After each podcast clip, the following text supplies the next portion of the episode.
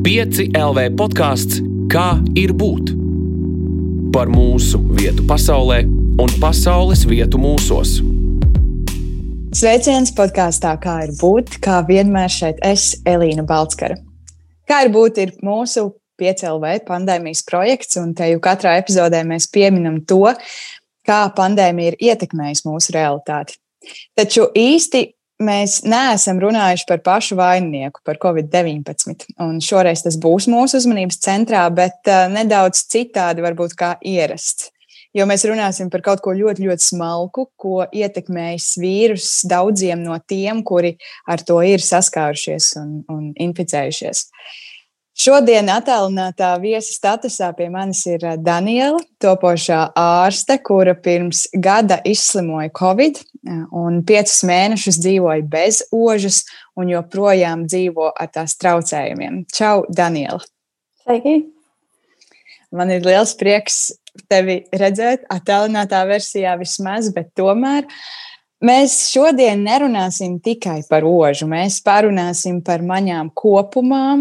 Mēs parunāsim par to, kā tās palīdz sajust pasauli un kas notiek, ja mums kādu pēkšņi no tā atņem. Un cik ļoti mēs vispār apzināmies to, cik mūsu maņas, mūsu jutekļi ir, ir svarīgi. Un pirms mēs sākam par visu pārējo, tagad apstājoties šajā telpā un vietā, kur šobrīd esi, ko tu šobrīd jūti ar savām maņām? Vai tu vari vienkārši tā nu, piezemēties nedaudz un nosaukt, kas tev ir apkārt, ko tu jūti ar maņām? Jā, tātad vislabāk es šobrīd dzirdu mūsu sarunu. Dzirdu arī trokšņus pagalmā, un uh, redzi, redzu par laimi visu, un skaidri un gaiši ekrānu, savu palodzi un logus. Un, um, jā, oža šobrīd ir nekāda, neko nejūtu bet arī man nav pašlaidām, ko just. Nekā īsti nav istabā. Bet tā ar tausti arī neko nejūtu, tikai savus plaukstus, kas ir nedaudz uztraukušās par šo sarunu. Ļoti labi.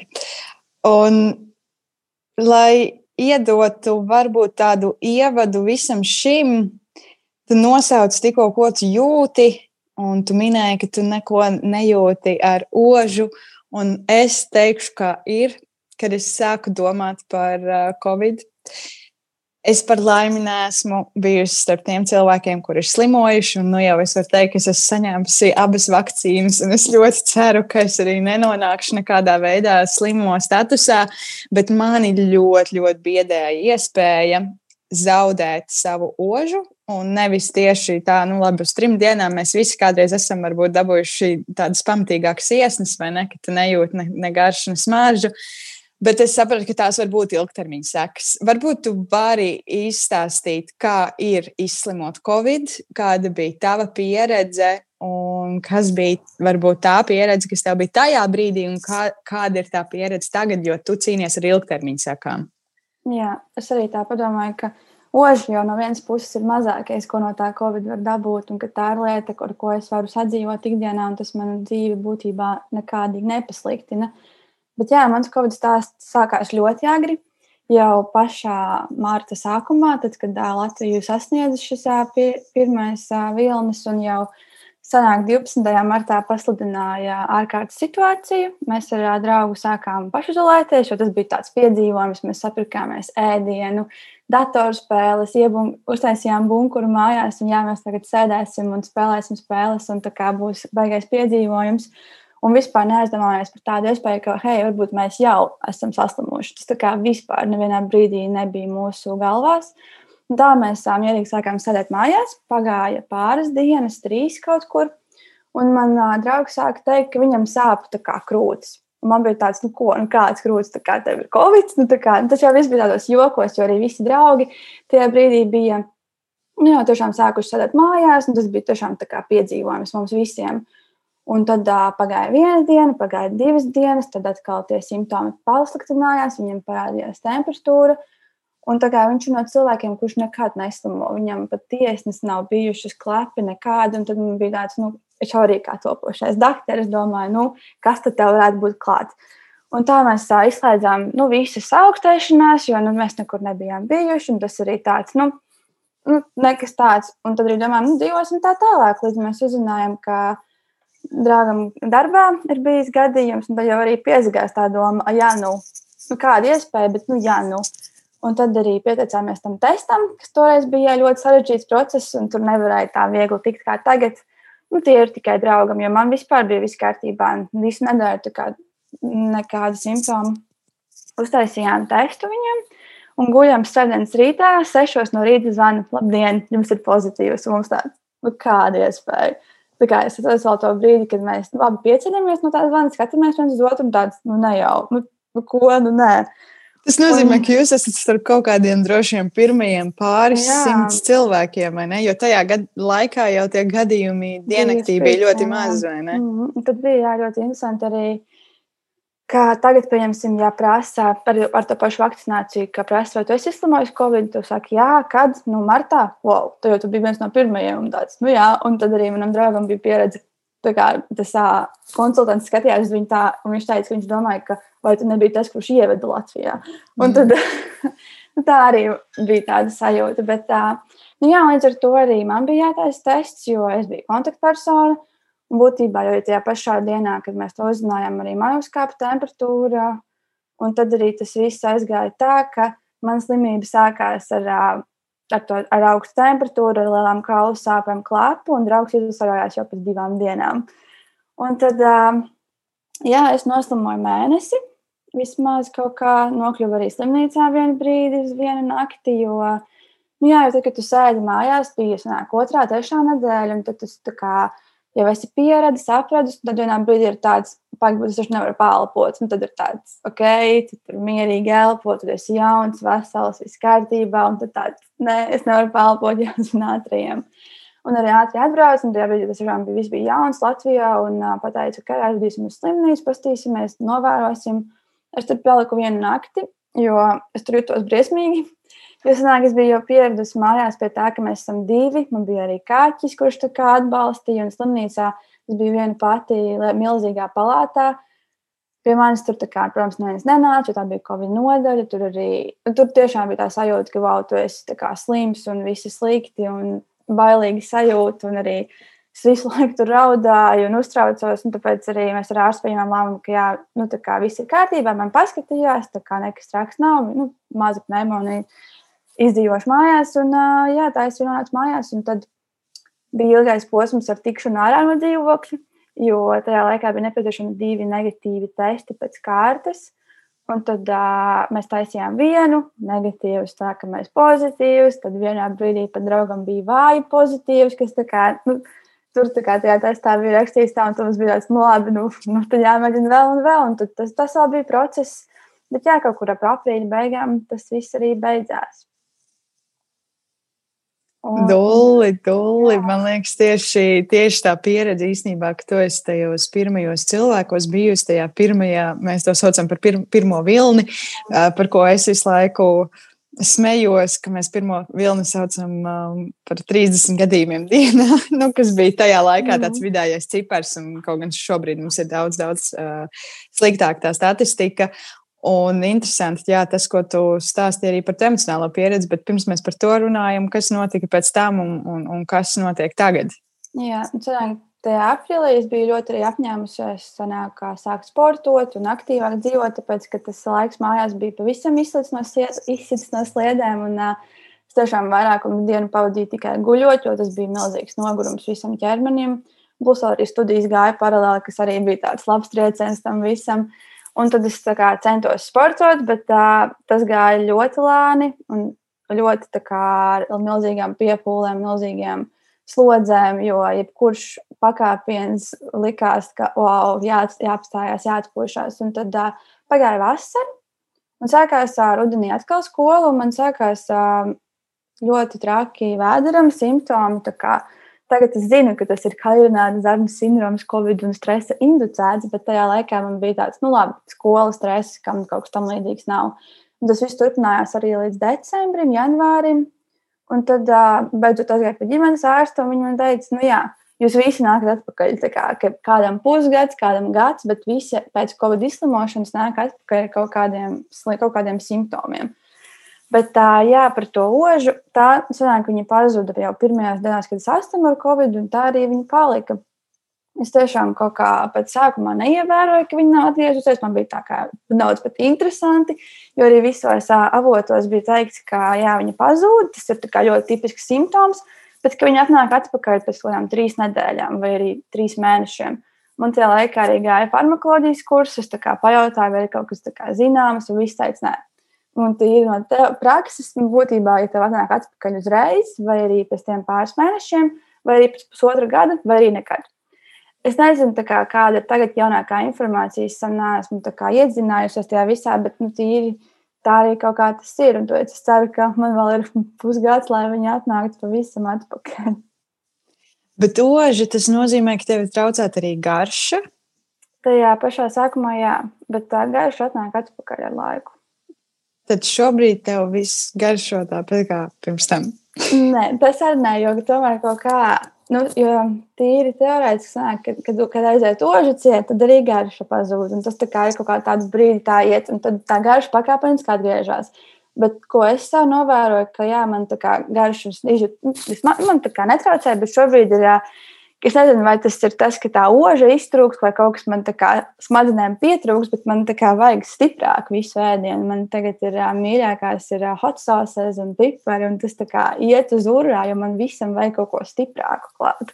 Tā kā tas ir nedaudz pamainījies. Jo es, nu, es lasīju pirms tam, gatavojoties šodienai arī. Uh, cik dažādi ir tie varianti, kas notiek ar to smaržu un garšu, ka viens ir, nu, ka tu vispār neko nejūti, tad ir, ka tu jūti kaut kādu daļu no lietām, un tad ir tas vēl viens variants, ka tu jūti atžgārni kaut ko. Mm, yeah. nu, respektīvi, ka tev viens liekas kā otrs, un vēl ceturtais variants bija, ka tu jūti lietas, kas nemaz nav. Nu, ka tu vari just, piemēram, kaut kādu degumu, nu, sasmaržot, yeah. kaut gan nav nekāds degums. Un man liekas ļoti interesants tās variācijas, cik dažādi jā, tas var izvērsties.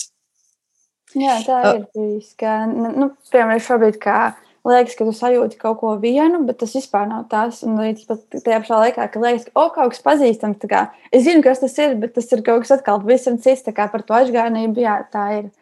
To es arī varu apstiprināt. Tev ir kaut kāds piemērs? Lai mēs varam iedomāties, nu, piemēram, man vislabāk atmiņā paliek par tām rozēm, ko es arī pieminēju savā Twitterī.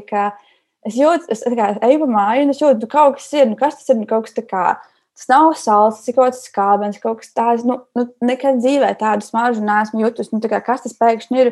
Un tad es kā, sap, salieku kā, punktiņus uz zīmes, saprotu, tas ir rozes, kas tas mažo, un tā nav rožu smarža, kas kā, ir klasiskā visu dzīvi bijusi. Tas ir kaut kas pavisam cits. Tā kā mm. vairāk, piemēram, ne, neatceros, diemžēl. Ne, tas, man liekas, ir ļoti Priekš manis tas ir ļoti interesanti, jo es esmu viens no tiem cilvēkiem, kurš eh, ļoti izteikti jūt visu, jebko, kas ir apkārt, eh, es eh, ļoti spēcīgi sajūtu. Un tāpēc Tāpēc arī es teicu, ka mani biedētu kaut kādas mhm. maņas, tādi izteikti traucējumi un, uh, un kaut ko šādu. Es vispār nespēju iedomāties, tāpēc es esmu šobrīd ļoti patīkami uzvilkt, ka man beidzot ir kāds cilvēks pretī, kurš man var izstāstīt, kā tas ir. Jā, jā. Bet Uh, es gribēju, jā, jā par to, uh, jo par to ožu, jā, man nekad dzīvē nebija tā, ka es baigi novērtētu to, ka tas kā, ir kaut kas milzīgs un bez tā nevar dzīvot arī pēc tā Covid izslimošanas. Nu, nebija, nebija, bija nedaudz smieklīgi, ok, nu, cik ilgi tā būs. Tad man pagāja kaut kāds laiks, palika tā kā bailīgi. Bet atceros ļoti specifiski vienu momentu, arī, kad uh, lasīju Instagram, Twitter, un tur cilvēki raksta, ka, pieņemsim, Tur tipiskās vasaras smaržas, tur smaržo zāle, smaržo koki, smaržo ugunskurs. Man tāds pats. Nē, neko nejūtu. Un tad ir tāds, cik skaisti tomēr cilvēki to apraksta. Tas kā, arī, kā tu saki, ka tik ļoti kā, liela sajūta un to viss. Nu, tā ir liela daļa dzīves, un man tāds, nē, nē man tāda. Nav. Un tā jau ir ļoti liela daļa arī nu, no mūsu kopējās, nu, tomēr nervu sistēmas mm. un no mhm. tā viss, kā mēs jūtam. Tas, tur ir tik daudz receptoru, ja tūkstošiem tajā degunā. Un mēs tomēr sajūtam smaržas, un smaržas ir arī kaut kas tāds, kas mums var likt justies bieži vien labāk. Nu, mēs sajūtam to patīkamu smaržu, un tas ah, es jūtos labi. Vai arī mēs tieši otrādi ir, ir smaržas, kas mums liek justies slikti, vai nu, mēs caur smaržām varam atcerēties kaut kādus notikumus vai citādi, un kurus mēs ļoti negribam. Un tad es iedomājos, ka tev šajā gadījumā ir aizslēgts kaut kāds šis um, pasaules iepaž, iepazīšanas un sajūšanas iespēja. Jā, diemžēl. Mēs runājam par šo sensoro jūšanu, bet es gribēju pajautāt, kā tev bija ar emocionālo jūšanu slimošanas laikā, it īpaši ņemot vērā to, ka tu slimoji tajā brīdī, kad šis viss bija ļoti, ļoti jauns un svešs. Šobrīd mēs varam jau plus-mínus iztēloties, kā tas izvērtīsies, bet tu vēl biji tāds eksperimentālais trusīts, principā, tajā, kā uh, Latvija cīnījās ar, ar šo um, visu problēmu. Kas notika tavā emocionālajā pasaulē?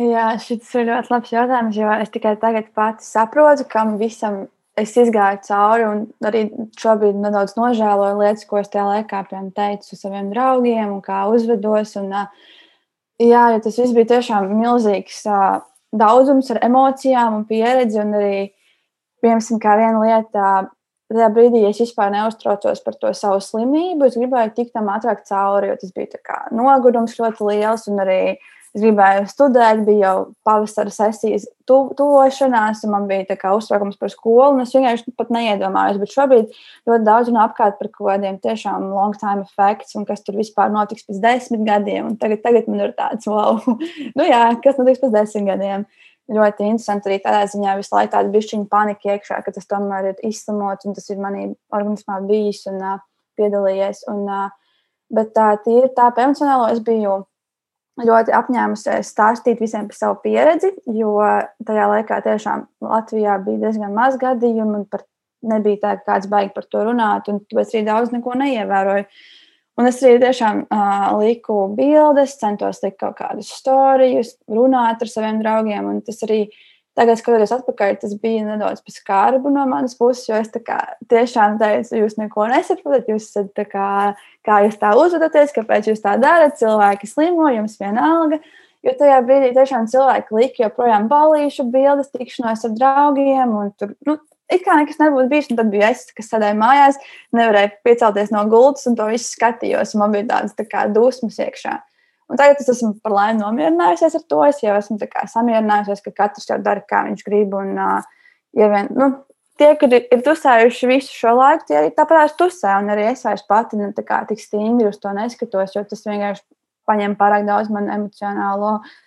Uh, vai ne, ne, nevis veselību, bet nu, vienkārši man tā kā trācina. Bet, uh, jā, bija ļoti grūti saprast to sajūtu, ka tu esi ieslodzīts tajā dzīvoklī, ka vienīgais sakars tev ir ar policistiem, kas nāk uz tevi skatīties, un tu maini viņiem pa logu. Atceros arī momentu, kad mana māma uz lieldienām atveda mums paciņu. Un viņa skatījās uz mani no kāpņu telpas loga, un es tā kā viņai māju, man bija tāds, nu, tu esi tik tuvu, bet tik tālu. Un tas ir tāds, nu, vienīgais, ko tu gribi tajā momentā, ir samīļot savu māmu, kur ir turpat tās, bet tu nedrīkst viņai pieskarties, jo nu, tad tu viņu inficēsi. Bet, um, jā, un tad arī tāpēc, um, pēc vasaras, kad man likās, nu jā, viss ir kārtībā, Covid izslimoja, bet nekas tāds. Man saslimā kursa biedrs, mums visu kursu ielika karantīnā. Un es atceros, ka tajā dienā, kad man to pateica, es vienkārši gulēju uz grīdas dzīvoklī un raudāju par to, ka man atkal ir jāsēž dzīvoklī, un ka tas atkal ir klāts viss taču bija tik labi, es biju ārā, un tagad es atkal esmu dzīvoklī. Un tas ir tiešām tāds tā kā psiholoģiski. Varbūt, ja būtu, nezinu, māja, dārsts, tas ir savādāk, bet mēs tiešām šobrīd dzīvojam piektajā stāvā dzīvoklī, un tad ir tāds, lūdzu, laidiet mani ārā. Un pēc tagad katru dienu kādu laiku apstāstu, es eju ārā un es staigāju tikai tāpēc, lai es varētu tikt ārā. Vai Ginsens tev pilnīgi citādi novērtē Droši jā, vien, vai jā. ne? To, mums, to brīvību, kas mums patiesībā ir ikdienā. Vai tev visa šī tava garā, un man gribētos teikt, uh, jau projām aktuālā Covid piedzīvojuma laikā, ko tu esi iemācījusies jaunu par mūsu maņām, par mūsu jutekļiem, no visa tā, kam tu esi gājis cauri? Mm, labs jautājums. Es noteikti pasvītrot to, ka jānovērtē to, kas ir. Un tiešām, ja tu sajūti, pieņemsim kaut kādas bulciņas smaržu vai kaut ko skaistu, tad piefiksē to, padomā par to, ieraksti kaut vai tvītu, atceries sev, tas kā ir arī, kā tu teici, iepriekš lieliska atmiņa par to, ka tev tas ir. Un par, um, jā, vispār par visām manām kopumā, cik, cik viegli arī kaut ko pazaudēt. Jo es nekad iepriekš nebūtu iedomājies, ka jā, man būs jādzīvo bez, bez ožas kaut kādu laiku, vai arī tas ir tik viegli pazaudējams ar vienu saslimšanu. Mm. Un, jā, tie ir tādi dzīvot mirklī un saprast to, ka ir forši kā ir. Jā, šis ir, šis ir um, interesanti un, un ļoti spēcīgi vienlaicīgi. Bet uh, domājot par visām mūsu maņām, kas mums ir vairākas, un mēs parunāsim arī par to, ka varbūt mēs dažus nemaz neapzināmies, ka mums mhm. piemīt, bet kas tavuprāt ir cilvēkam svarīgākā piemītošā maņa? Es pat nezinu, kā lai tagad atbildētu kā no bioloģiskās viņas izdzīvošanai, ka jau ka redz. bet tā kaut kā Tas, man liekas, arī ir ļoti, ļoti atkarīgs katram. Jo ir pat runājot par kaut kādām tādām mīlestības valodām, nu, kā tu izdzīvo to pasauli, kā tu saņem mīlestību. Jo citiem man arī tas ir pieskāriens. Es jūtos mīlēta, kad mani samīļot, citiem atkal tie ir vārdi, un viņi bez dzirdes nevarētu nekādīgi. Citiem atkal tie ir šie labie teikumi, un ka tev vajag, lai to kāds saka, uzslavas. Tā kā es domāju, ka tas katram tiešām ir, kas viņam dzīvē ir svarīgāks. Bet, uh, Es pat nezinu, vai var tā izšķirt svarīgāko. Viss tas kopumā veido to, kādi mēs cilvēki esam. Un kas tev ir tā tava dominējošā māņa? Mēs bieži runājam par to, ka ir, ir tādi izteikti vizuāli cilvēki, ir, šie audiālie, kinestētiķi. Um, kas ir tev dominējošais, kas ir tas, kā tu visvairāk uz, uztver pasauli? Man liekas, ka tieši caur tausti, jo es arī, ja no mācību ziņām, es man vajag visu uzrakstīt, un tad es to atceros. Uh, arī par tiem pašiem pieskārieniem, ka man tie ir ļoti svarīgi. Un arī manā ģimenē tas ir bijis tā, ka mēs visi viens otru samīļojam un pieskaramies, vai arī par kādu to pašu profesiju, ko esmu izvēlējusies, kā ar savām rokām, cerams, kādu varēšu izārstēt. Mm. Ko tu domā? Es tad baigi prātoju šodienai, gatavojoties. Es parasti cenšos vienmēr katru to tēmu savā galvā pārcelēt un kaut ko palasīt. Un, uh, es uzgāju tādus uh, rakstus vairākus, ka ļoti iespējams ir kaut kādas maņas, kuras mēs īsti tā neapzināmies, ka mums ir Viņas ir nosauktas kaut kādos vārdos, bet mēs ikdienā par to nerunājam. Kā piemēram, spēja sajust savu ķermeni, ka tā iespējams arī ir izdalāma ja, kā atsevišķa maņa, ka es zinu ar aiztaisītām acīm, kur ir mans pirksts, lai pieliktu viņu pie sava deguna, ja, vai, vai ka es nojaušu, kur atrodas šobrīd man, man pēda, pat viņu neredzot vai spēja sajust balansu, ka iespējams arī tā ir izdalāma kā atsevišķa maņa un, un, un kaut kāds cits, kā tev liekas, vai tas ir kaut kādas mūsu neapzinātās superspējas, un vai kaut kas mainās, ja mēs viņas apzināmies. Jā, man liekas, arī šis viss ir ļoti interesants. Par to mums mācīja, kad uh, bija runa par cilvēku izmeklēšanu un visām nervu sistēmas problēmām, ka ļoti viegli var pamanīt, ka cilvēkam kaut kas nav nu, ka viņš kaut ko ir pazaudējis no šīm maņām, viņš tur, pieņemsim, skaļāk runā, jo viņš klusāk dzird, ka viņš tur, nezinu, ko vēl, viņam ir uzlabojusies kaut kāda redze, jo viņš tur kaut ko nu, sliktāk dzird un jūt, un tad tas arī ir. Es domāju, ka jā, tā noteikti ir superspēja, ko var izpētīt vēl dziļāk, ko tas ietekmē mums un cilvēkiem, ja to arī var novērot pēc kādiem insultiem, kā cilvēki at, at, at, attopās un ārstējās, un kad viņi nav kad viņi zaudē šīs spējas kaut kādas. Un, uh, jā, un tāpēc arī cilvēks ir tik interesants būtne, ka mums tik daudz kas slēpjas vēl iekšā, un ko mēs paši pat ikdienā neapzināmies, līdz tas nav kaut kā pazaudēts vai sabojāts. Un ir, ir dzīvnieki, kuri jūt kaut ko vairāk kā, kā mēs, cilvēki. Ja tev būtu jāizdomā kaut kāda lieta, kuru mēs kā cilvēki varētu vēl sajust šajā pasaulē. Kādu papildus maņu tu gribētu mums um, iedot? Šis ir ļoti labs, jo es tieši skatījos video klipu, kur uh, bija runāts par kaķiem, ka viņi jūt, kur cilvēkam sāp. Un viņi tā kā, pieņemsim, ir vēdera sāpes, viņš kaut kā tieši uzguļās uz vēdera, Vai, ja cilvēks tur ir ļoti bēdīgs, tad viņš tur sēž uz laiku tuvumā un neiet prom, un ko līdz tā kā viss ir kārtībā, tad viņš tā kā nenāk vairs klāt. Es domāju, tas ir ļoti viens no interesantiem, kas ir uh, vēl kaut kā cits lietas, vajag nenākt pašlaik prātā, bet um, man liekas, mēs jau tā esam diezgan apdāvināti ar visu. Un galvenais, ka mēs varam to sajust un vēl izanalizēt, kāpēc tas tā ir. Nu, piemēram, arī veidojot kaut kādu mākslu un grāmatās, kur tas viss ir aprakstīts, kur tu vari izlasīt tekstu par to, kā tas ir, un tu uzreiz jau iejūties tajā vietā.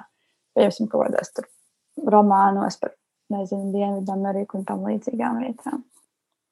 Pareizi, mēs uztaisām patiesībā no kaut kādu sajūtu aprakstiem, mēs uzbūvējam to savu bildīti vai ne par mm. šo vietu, neskatoties uz to, ka mēs neko no tā tajā brīdī it kā nejūtam. Vai pat nav nekad piedzīvots tāds, jā. Tur tā kā izfantazēt jau ar kaut kādiem maziem palīdziņiem, kas tev tiek doti vizuāli.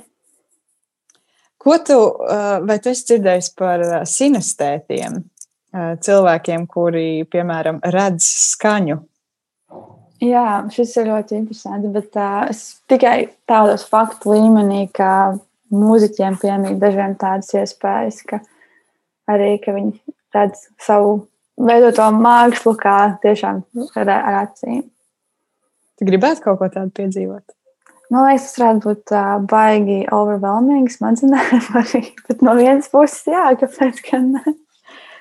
Un šis ir labs punkts, ko tu saki par to. Uh, nu, tādu sajūtu pārbagātību. Uh, kā dzīvot tajā pasaulē, nu, mums ir diezgan daudz viskaut kas apkārt, un mēs varam arī nonākt vidēs un kaut kādos kontekstos, kur vienkārši ir par daudz. Um, kur ir tā robeža, kur ir tava komforta robeža? Jā, jo tiešām pasaulē šobrīd ir tik daudz stimulu no visām pusēm, kad uh, atrast to savu mieru ir pat sarežģīti. Un uh, priekš manis tas noteikti būtu mazāk izmantot telefonu, kas man vispār nestrādā, jo tas, nu, tas telefons visu laiku ir rokās un visu laiku kaut kas notiek. Es ceru, ka tad, kad sāksies vasaras, varēšu viņu atstāt biežāk mājās, jo tur arī nu, visu laiku ir gaismiņas, tas arī ir stimuls uzreiz uz acīm, smadzenēm, dopamīns, viss no notiek. Un, un kaut kā ikdienā, es domāju, arī tas varētu būt saistīts ar to, ka kaut kā nelaist pilnībā visus viedokļus sev klāt, ka jā, katram cilvēkam ir tiesības savu viedokli, viņš tur tāds ir.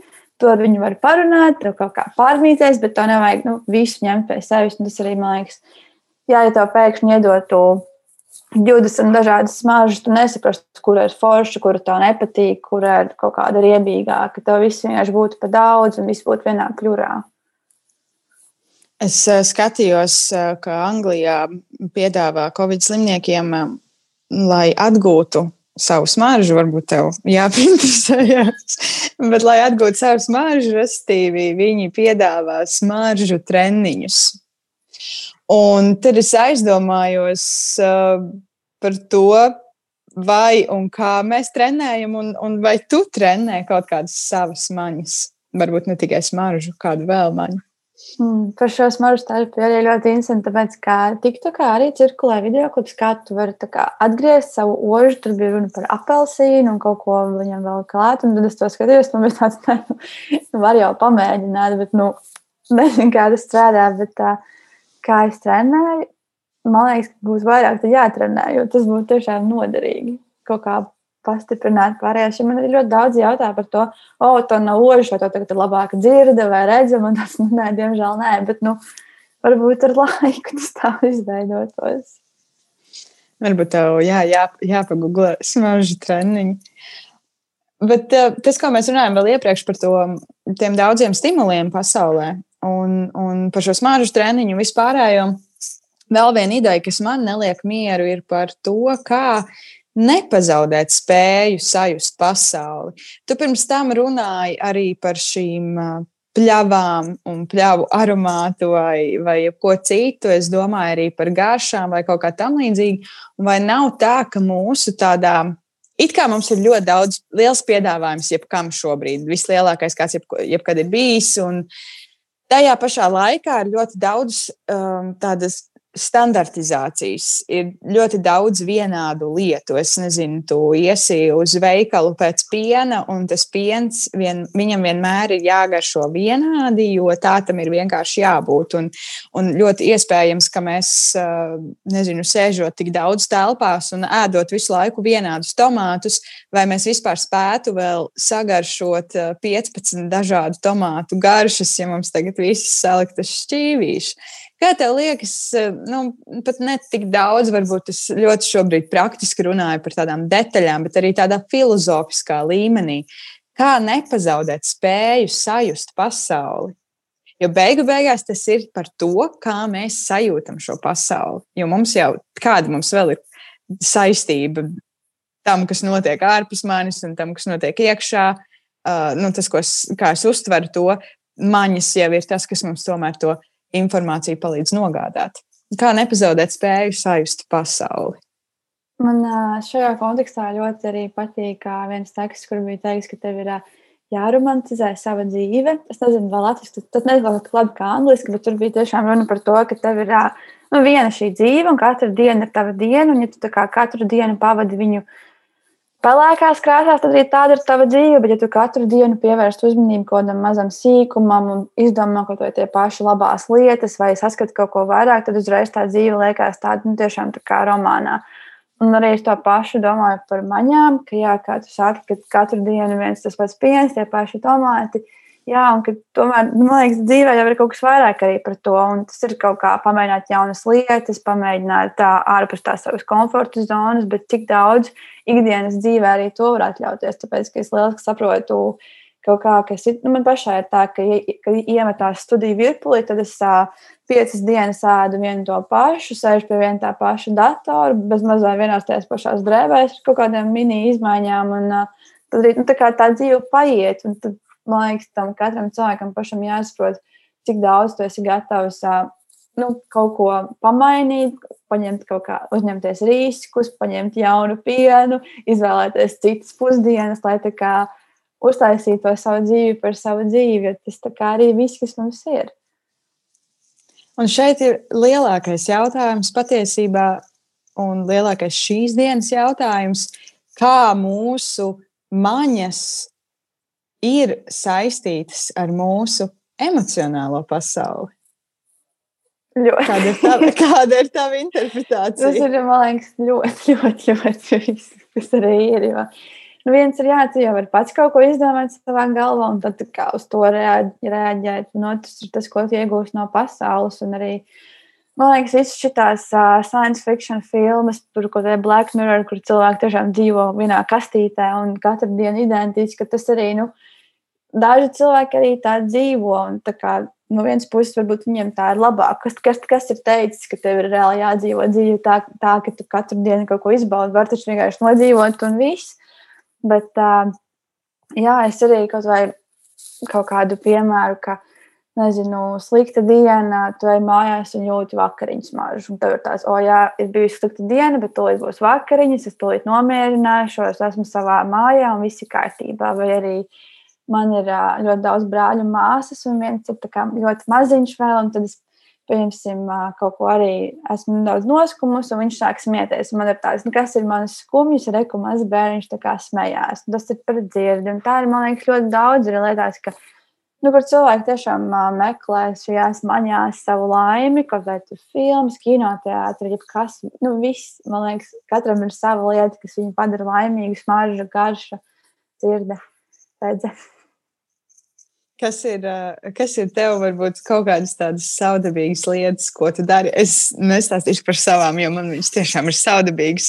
Um, es zinu, ka es esmu varbūt saskumusi un ka, kas ir tās sensorās pieredzes, kas tev liek justies labāk. Ko tu zini, ka ja es tagad spētu piedzīvot to, man uzreiz mans prāts vienkārši norimtu. Hmm. Es kaut kā vienu lietu iedomājos par uh, mūziku.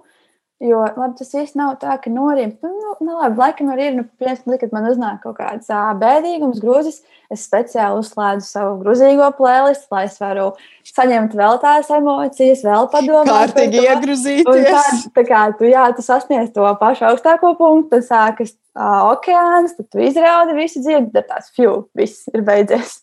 Un tad tu jūties labāk pēc tā. Vai arī um, es šobrīd cenšos. Uh, ar garšu izgaršot visas uh, pavasara lietas. Tad es arī zinu, ka jā, ir kaut kādas parastās vakariņas, pusdienas, un tad es nopērku kaut ko īpašāku klāt. Es nezinu, zemenes. Uh, Kaut, kā, kaut kas jauns, un tad es zinu, ka jā, man ir nu, ēdienreize, kā ēdienreize, tad man leduskapī gāja tas un tas. Un tad ir tāds, jā, es apēdīšu savu jogurtiņu, tad es jutīšos ļoti labi.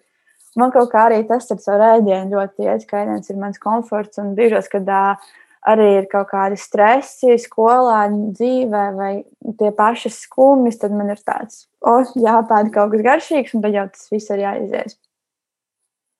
Vajag interesanti uh, par uh, to, ka tu saki par to garšu, jo ir tāds uh, teiciens izgaršot dzīvi. Jā. Kā, kā, kā tev liekas, kā mēs to varam interpretēt un ko tu domā par šo teicienu? Jo man ļoti patīk paskatīties uz šo teicienu būtību, jo reizēm mēs tos vienkārši kaut kā mētājam apkārt un nepadomājam par to, kā, ko tas tā praktiski reāli nozīmē. Kas ir dzīves izgaršošana? Ko tu par to domā? Tas jau laikam arī ir tas pats, viss, kā dzīvo dzīves ar savām maņām. Un viens ir uh, man liekas, tiešām par tām tīri garšām, ka tu vari izgaršot, jeb kā tagad arī visi mājās sēžot, var pamēģināt dažādu tur, pasaules virtuves, izmēģināt savā, savās mājās, arī tādu bez ceļošanas izgaršo pasauli un savu dzīvi. Vai arī viens ir kaut kā tā mm, mākslinieckāk ņemt, ka tu visu ņemt cauri kaut kādām maņām un nevis vienkārši ēd savu ēdienu, bet viņu izgaršo un tad arī līdz ar to izdzīvo īpašāk. Un šis droši vien ir kaut kas tāds, kas attiecas ne tikai, nu, jā, kā tu saki, uz ēdienu, bet tāda savu maņu apzināšanās, kā nekā bieži vien arī cilvēkiem, kuriem ir kaut kādas trauksmes vai tam līdzīgi, tad ļoti bieži iesaka to pašu vienkāršāko vingrinājumu ir uh, apzināties sevi, apzināties savas mājas, apzināties, ko tu šobrīd dzirdi, ko tu šobrīd jūti, ko tu šobrīd redzi, ko tu šobrīd vari sasmažot. Ja, tas arī, ko mēs pašā sākumā veicām ar tevi. Un, uh, varbūt tas ir kaut kas tāds, kas mums ir vienkārši biežāk jādara. Pieņemsim, jāiet cauri parkam no rīta uz darbu, nevis vienkārši jāiet pa, cauri parkam vai uz skolu vai vienalga kur. Bet es eju cauri un domāju, ka oh, šeit ir uh, kastanis izplaucis jau daudz vairāk nekā pirms divām dienām. Ore, kur ļoti jauki sēž tur pensionārs uz, uz soliņa un lasa grāmatu, re, kur iet bērnu dārznieku grupiņa, visi sadavušies pie virvītes. Un kā es kādreiz gāju, tāpat tās pie virvītes kaut kur sadavusies varbūt tas kaut kas tāds, kas mums reāli ir jātrenē. Vienkārši piefiksēt, varbūt tas ir tas maņu treniņš, ka tu vienkārši apzināti fiksē to, ko tu jūti. Jā, noteikti arī piekrītu tam. Un tas arī man liekas ļoti viegli aizmirstās ikdienas dzīvē, bet tā ir tik viegla lieta, ko tiešām izdarīt vienkārši vienu momentu, ok, pusminūti iepauzēju, un tā kā tu jā, arī teici, visām maņām iziet cauri. Uh, Un tas arī paliks arī atmiņā. Un tad tā diena arī kaut ko asociēsies. Un tas nebūs vairāk tāds viss pelēkā masa, bet tā diena būs, o oh, jā, tur bija parks, bija saulīte, bija forši. Jo patiesībā jūtam jau mēs visu laiku. Jā. Jautājums ir par to, cik daudz mēs pievēršam uzmanību tam. Mm -hmm. Jo tas tiešām ir, kā, ir tie visi tās uh, optiskās ilūzijas arī, kad tu skaties, un tad pēkšņi tur pazūd kaut kāda tā bildīte, vai viņa vienkārši vai savādāk. Tad arī, jo patiesībā tas viss tiešām ir nu, konkrēti visu laiku, arī, ja viņš būtu, ja tu visu laiku to piefiksētu, tad atkal viņam būtu pa daudz un nevarētu kā, nu, izanalizēt, kas tiešām ir bijis forši un kas nav bijis forši. Jā, un šeit ir atgriešanās pie tā, ko mēs runājam par tā, kur ir par daudz to stimulu -hmm. Un tur arī varbūt ir jautājums par to, kuriem mēs tajā brīdī pievēršam uzmanību.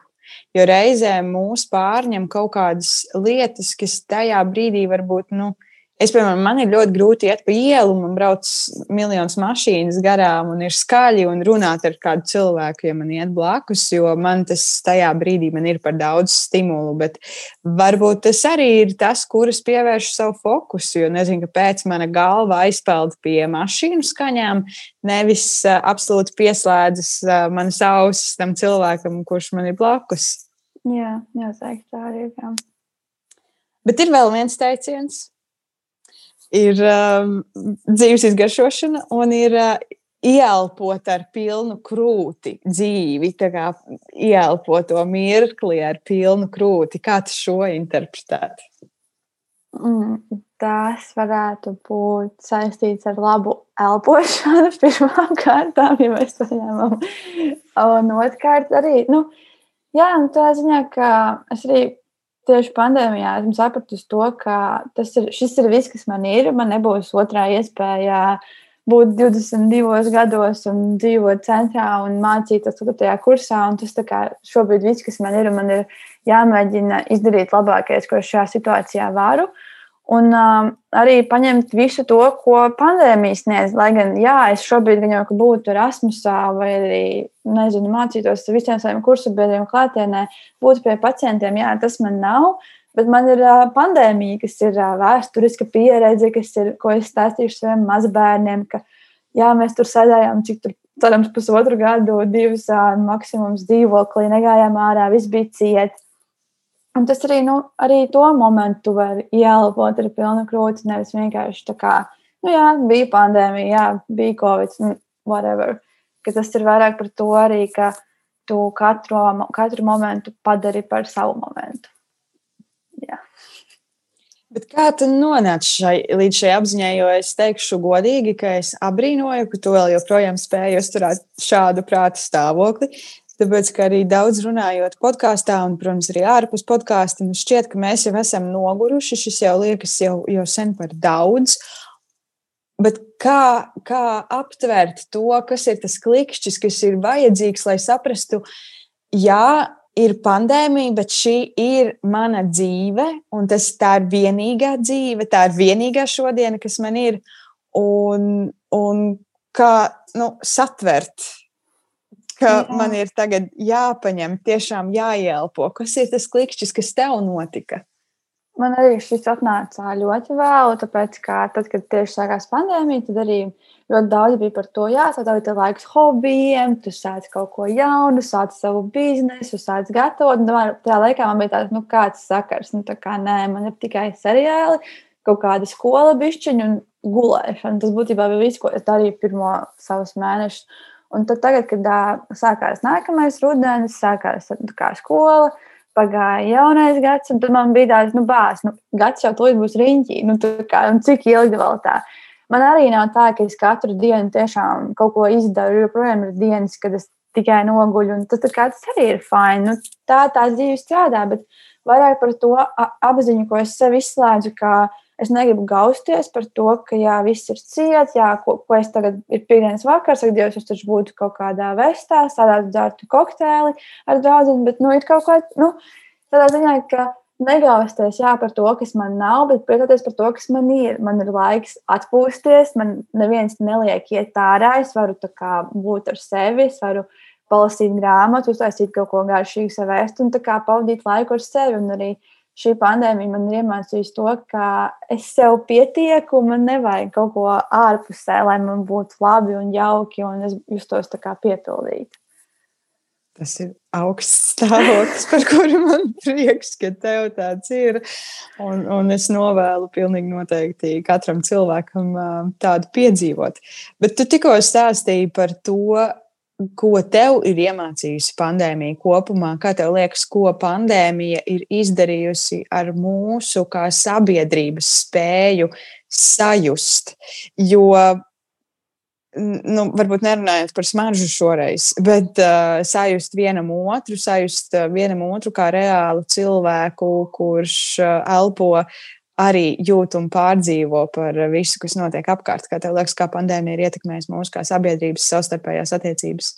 Jā, tā kā viss sākās, es ļoti priecājos par to, cik cilvēki palīdz viens otram. Un arī, jā, tādā pašā Twitterī bija kaut kādi, hei, rīktīgi vajag palīdzību tur un tur nu, ļoti ātri atrisinājās. Un nebija tā, ka kāds palīgās sauciens paliktu gaisā. Un tas arī ir tas, kas man atvēra acis uz to, ka viss ir skaisti un jauki, jo mēs esam visi latvieši, visi šeit dzīvojam, viens otram jāpalīdz arī, kad mēs sēdējam dzīvoklī ļoti reti mēs pasūtījām kaut ko no Rīgas. Vienmēr bija kāds draugs, kurš aizbrauca un atveda un palīdzēja un arī iz, izrādīja kā, savu mīlestību pret mums, ko ikdienā varbūt tā nejūt tik ļoti, jo kā, nu, draudzības ir visādas. Bet arī nu, otra lieta noteikti ir tas, cik mēs varam sajust, cik mēs visi esam savādāki un arī cik daudz tā tieši šis laiks ir katram savādāks tādā ziņā, ka jā, es esmu students, un man nav, pieņemsim, bērnu, bet atkal ir mana mamma, kurai ir jācīnās ar trīs bērniem, un tad ir vēl citi cilvēki, kuri cīnās ar bērnu un darbu, un tad ir tāds, nu, ka, jā, mēs visi esam vienā, vienādi kopīgi, bet tajā pašā laikā tās situācijas ir tik dažādas, un tā ikdiena arī, un ka cilvēki ir apzinājušies, ka mēs esam arī vairāk kā viens pats, un ka tu neesi viens pats šajā pasaulē, un tev ir jāpalīdz citiem, un tad arī citi palīdzēs tev. Bet no otras puses, arī ar visu šo pandēmiju var saprast, cik ļoti sabiedrība tomēr šķeļās, un arī pārmetiens otram kaut ko tas pats vakcinācijas jautājums, un to, ko es esmu sapratusi, ka jā, cilvēkiem ļoti bieži dalās viedokļi par tādām milzīgām problēmām, un tā ir bijis vienmēr. Tas ir vai nu tas ir.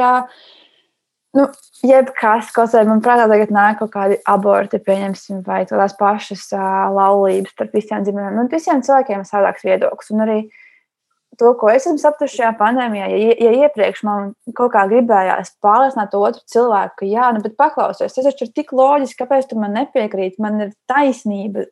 Man visiem ir taisnība, kas saka, kāpēc tu tā domā, tas nav loģiski. Tas tagad man ir tāds, ka es saprotu, no kurienes tās domas nāk, jo viņiem, viņi ir nobijušies, viņiem, nezinu, kaut, kas, kaut kādi citi iemesli vēl, un tāpēc viņi tā domā, tas nav, nu, ka viņu pretējais viedoklis nekādīgi neietekmē mani. Nu, un ka viņi var tur mierīgi dzīvot, līdz kamēr viņi nedara kaut ko nezinu, nelikumīgu un briesmīgu. Nu, tā kā lai viņi tādi ir. Un tad es arī šajā, ceru, ka varbūt šī pandēmija nedaudz mazinās to šķirbu starp cilvēkiem un viņu viedokļiem. Un kā, ka, jo viedokļi atšķirsies vienmēr un par visu. Un tad, kā, kāda jēga ir iesaistīties kaut kādās tajās milzīgajās diskusijās. Bet tā, nu, tāpatās jau visi iesaistās. Nu, tā laikam tā ir. Bet nu, es tīri priekš sevis esmu sapratusi, jā, ka man tā ir. Es viņus varu pieņemt ar savu viņu nepareizo un slikto un kādu vēl atšķirīgo viedokli, un tas man nekādīgi neietekmē. Un tas arī priekš manis ir foršs sasniegums, ka es tā varu tagad dzīvot ar tādu pārliecību, ka nu, tas mani satuvina arī ar tiem cilvēkiem, lai gan mums viedokļi ir pavisam savādāki. Es gribēju pieturēties pie tā, ar ko tu šo domu sāki par uh, sabiedrisko transportu, sēdēšanu mājās un citādi.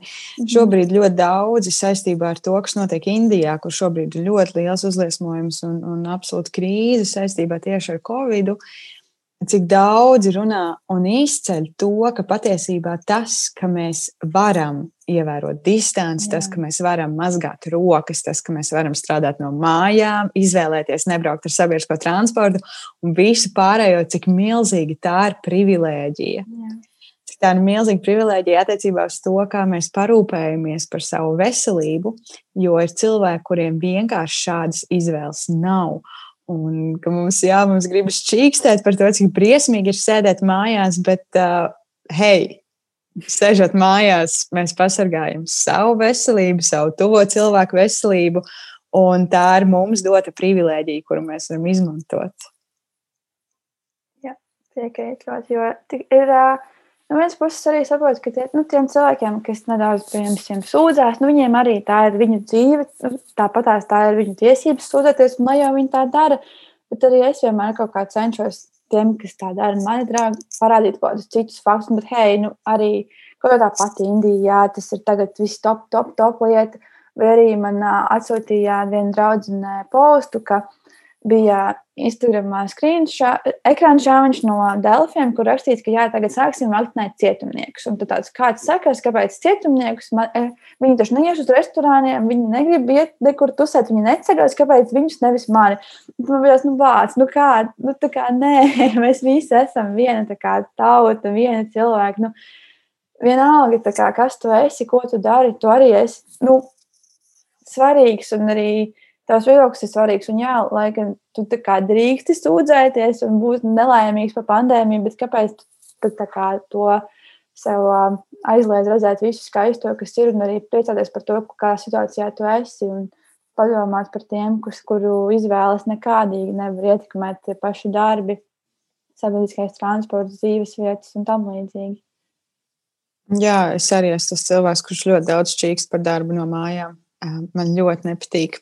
Bet tajā pašā laikā es domāju, bācis, esot īpaši, piemēram, riska grupā, cik labi, ka es esmu varējusi strādāt no mājām. Man nav piespiedu kārtā bijis jāpakļauj sevi situācijām, ne, kuras varētu inficēties. Un, un, tā ir liela privilēģija. Tā tiešām ir liela privilēģija.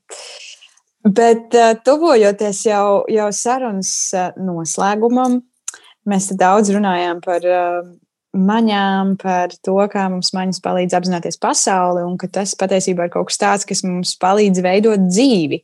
Un tas, cik daudz mēs uzmanību tam pievēršam, ļoti iespējams atspoguļojas tajā, kā mēs vispār raugāmies uz savu ikdienu un uz savu dzīvi kopumā.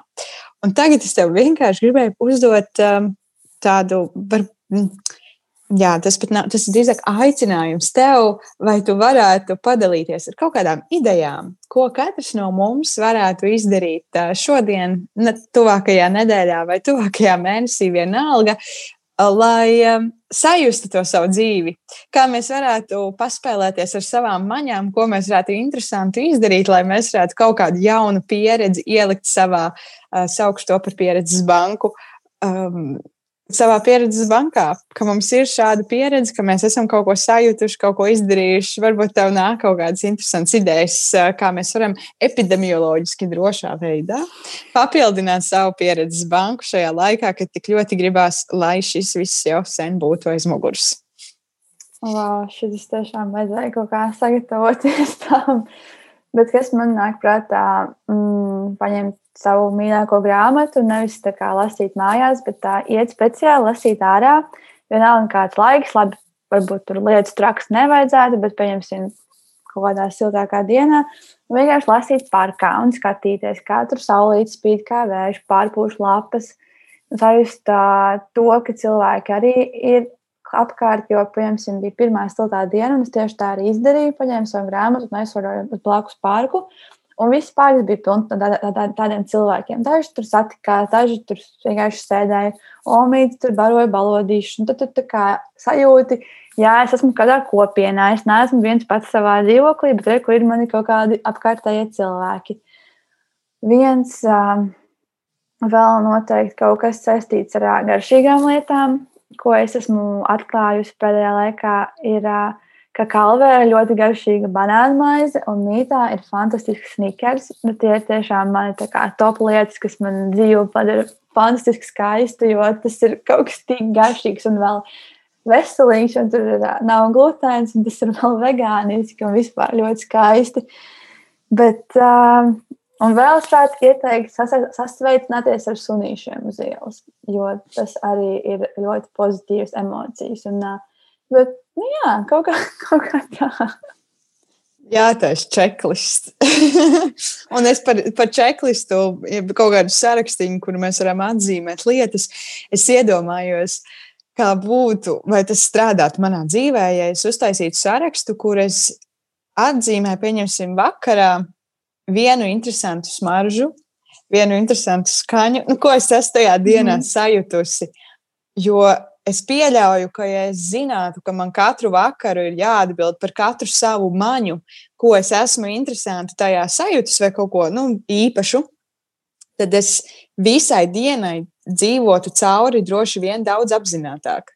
Jā, meklēt to lietu. Tas tas pats teiciens, ka, ja tu meklē zeltainu mašīnu, tu viņu ieraudzīsi. Un Jo tu domā, ka tu meklē jaunu, veic arī par tām. Tas būtu diezgan vērtīgi. Gan jau, ka man pašai iet grūti ar šiem checklistiem, jo es bieži vien pameklēju kaut kādā Pinterestā kaut kādus to-do lists, kur tur ir, es nezinu, izēja tur saulrieta pa, pastaigā un izdara to un to. Un man tā ir tā kā grūti tā uztaisīt savu tādu setupu, bet jā, padomājot par kaut kādām ikdienas lietām, kas ir, tad tas varētu būt ļoti vērtīgi un tiešām arī veidot foršas atmiņas. Es varētu pamēģināt šo. Es tiešām varētu pamēģināt. Man interesē, kā pamainītos tas, kā es ikdienā tiešām dzīvoju caur tai dienai, vai es pēkšņi sāktu visu laiku klausīties, vai kaut kas interesants, ko vakarā pierakstīt. Jo tā ir tā atbildība pret sevi, man liekas, kas ir tāda um, jau cita līmeņa atbildība um, kaut kādā veidā, ka tu zini, ka tev ir jāpieraksta vakarā. Nevis mm. vienkārši, ah, cik smuki, bet tu meklē, jā, tu meklē. Zeltainā mašīna. tā ir tās trīs jaukas lietas, ko cilvēki tagad ir sākuši. Ka, nu, ja jau tu zini, ka tev tiešām viņas būs, tad jau tu viņas piedzīvosi kaut kā. Un, piemēram, nezinu, viens arī man bija septembrī, es sāku arī tādu lietu, ko es šodien labi izdarīju citiem. Un tad es tā kā arī zinot, ka man tas ir jāizdara vakarā, es kaut kā arī vairāk centos būt atvērtāka pret cilvēkiem un palīdzēt kaut kādās situācijās vai kaut ko nezinu, nenoslinkot un kādam uzrakstīt kaut ko, ko man prasa, piemēram, tur grupas čatā, kur kāds materiāls. Nu, tāds. Tas arī īstenībā ir ļoti mazas lietas, kas man vispār neko no dzīves nepaņem, bet atkal es to varu ierakstīt savā kladītā, un pēc kāda laika es saprotu, ka, hei, ir, viss ir forši. Un kādam citam tas tajā brīdī nozīmē ļoti daudz, noteikti, Jā. vai ne tā mazā lieta. Mm. Daniela, milzīgs paldies tev par to. Es ka tu dalījies, un es esmu priecīga, ka man sanāca nedaudz netīšām noķert vienu no pirmajiem Latvijas cīnītājiem COVID, COVID cīņā. Paldies, tev, ka tu dalījies savā pieredzē. Jā, paldies, Lārs, par uzaicinājumu un sarunu. Šis mans pirmais podkāsts arī būs jāpieraksta. Varēs kādā no visām tām čeklistēm ierakstīt iekšā. Paldies arī tev, ka tu klausījies, un mēs tiekamies jau pavisam drīz nākamajā, kā ir būt epizodē. Atā!